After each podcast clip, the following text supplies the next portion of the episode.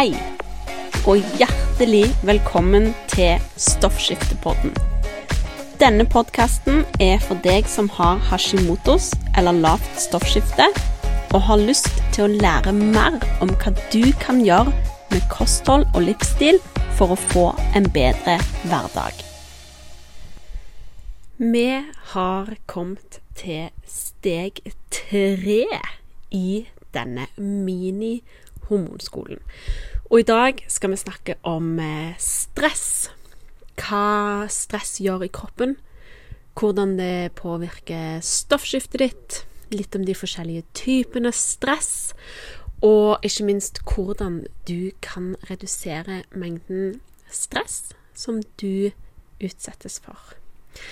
Hvis dette er den eh, første episoden av eh, Stoffskiftepodden som du hører på, hjertelig velkommen eh, hit. Vi er midt i en sånn eh, fire delers mini-hormonskole. Det kan du sikkert se av tittelen på dagens episode. Så jeg anbefaler deg gå tilbake, finn episode 46, som heter 'Fire steg til hormonbalanse'. Start der. Og så hører du episode 46, 47 og 48 før du hører denne. For da får du alt i det som på så fint kalles eh, kronologisk eh, rekkefølge. Så stress. Hva gjør stress i kroppen? Stress, det um, påvirker veldig, veldig mye. Um, når du er i det som vi kaller fight or flight-modus, det vil si eh, at det skjer At det skjer, eh, skjer en ting eh, som gjør deg stressa. Da aktiveres det som vi kaller det, det som vi kaller for det sympatiske nervesystemet. Når det sympatiske nervesystemet ditt er aktivert, så eh, øker pust, puls, pupillene utvides, fordøyelsen slås av, kroppen gjør seg klar til fight eller flight. Fra et sånn biologisk perspektiv så er denne flight or fight-responsen vår den er jo der for å redde, redde livet ditt. Sant? Hvis du ble utsatt for en fare, hvis du i istiden ble jakt av en mammut eller en sabeltiger, så kunne du plutselig løpe raskere enn enn du, du, visste var mulig. Sant? Og, og, denne responsen er noe som er en del av ja, vår innebygde programmering. Og, men hele poenget da er at når du er trygg igjen, når du er utenfor fare, da skal det sympatiske nervesystemet slås av, og det parasympatiske nervesystemet skal slås på. Det er det systemet som er aktivert i hvilesituasjoner. Da roer pusten seg, pulsen roer seg, fordøyelsen slås på. Eh, og vi er designa for å være mesteparten av tiden i dette parasympatiske nervesystemet. Vi er designa for at det skal være slått på mesteparten av tiden. Vi er designa for å være i den hviletilstanden. Og når det er nødvendig, i stressa situasjoner, så slås det sympatiske nervesystemet på passe på at du er trygg, og så slås det av igjen. Men sånn som dagens eh, moderne samfunn har blitt da, så er vi så på hele tiden. Vi løper fra det ene til det andre. Vi multitasker. Vi har eh, eh tankekjør. Eh, en veldig stygg indre dialog. Altså, vi det er så mange stressmomenter hele tiden at det sympatiske nervesystemet vårt er påslått veldig, veldig store deler av tiden. Vi er nærmest konstant i fight or flight-modus da. Og det som skjer da, det er at eh, kroppen skiller ut stresshormoner. Og litt sånn kort fortalt, disse stresshormonene de, de er nødvendige, men i store mengder så er det ikke bra. Sånn akutt stress er bra, men langvarig kronisk stress, det er ikke bra. For når kroppen det er binyrene dine da som skiller ut disse stresshormonene. Når binyrene går på høygir og pumper ut stresshormoner hele tiden, så, så blir det for mye. Det blir altfor mye av det gode. Og disse stresshormonene, de påvirker stoffskiftet ditt. De påvirker eh, produksjonen av TSH.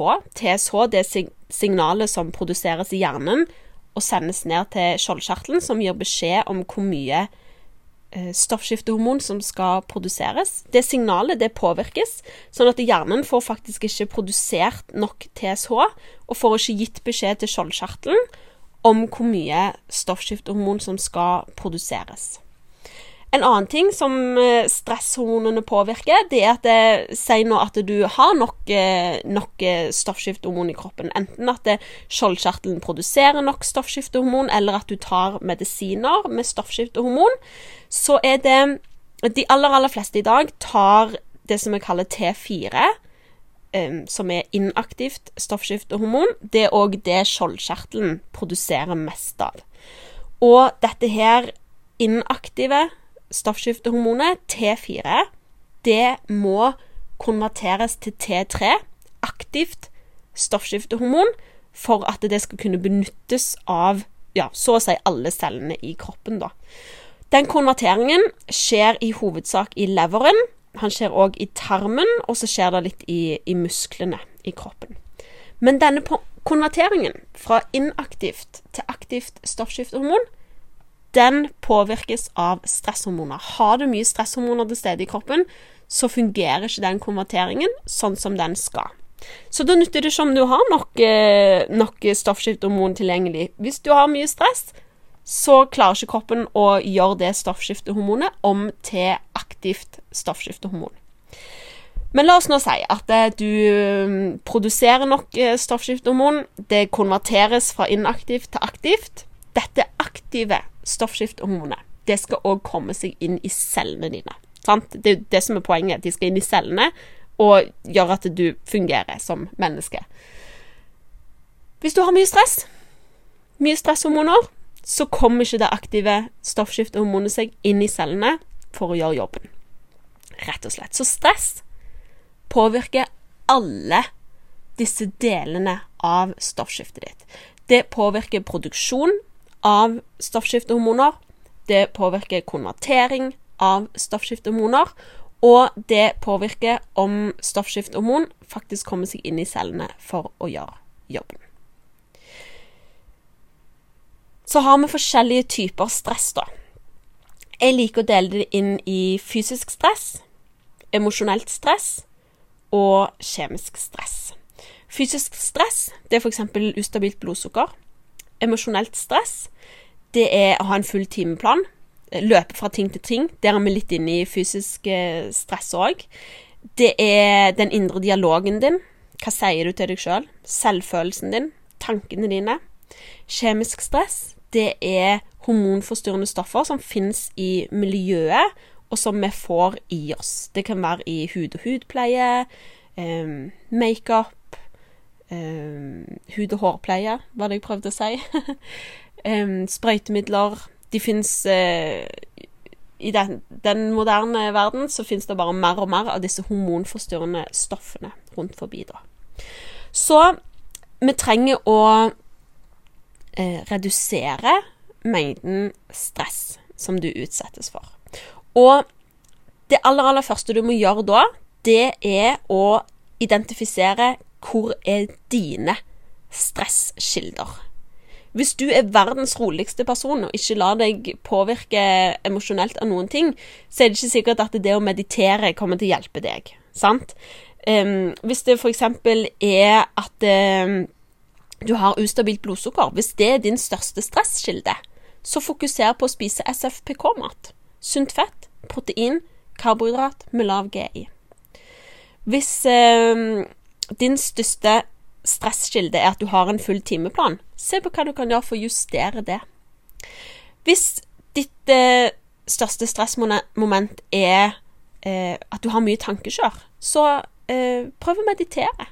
Start morgenen rolig med en kort meditasjon. Skriv ned tre ting du er takknemlig for. Hvis din eh, største stresskilde er at eh, du eh, har det såkalte flink pike-syndromet, jobb med selvfølelsen din. Sånn at du faktisk klarer å prioritere deg sjøl. OK, så Stress, det påvirker kroppen i veldig stor grad. Påvirker stoffskiftet i veldig stor grad. Din jobb nå, det er å finne ut hva er dine største kilder til stress. Fysisk stress, emosjonelt stress, kjemisk stress. Og hva kan du gjøre for å jobbe med å redusere disse? Det var steg nummer tre i denne mini-hormonskolen. Jeg gleder meg så masse til neste uke, for da skal vi ha steg nummer fire, som er detox. Og da skal vi snakke om hvordan du kan støtte kroppen sin egen helt amazing avgiftningsprosess. Lag deg en fin dag. Lag deg en fin uke. Så snakkes vi.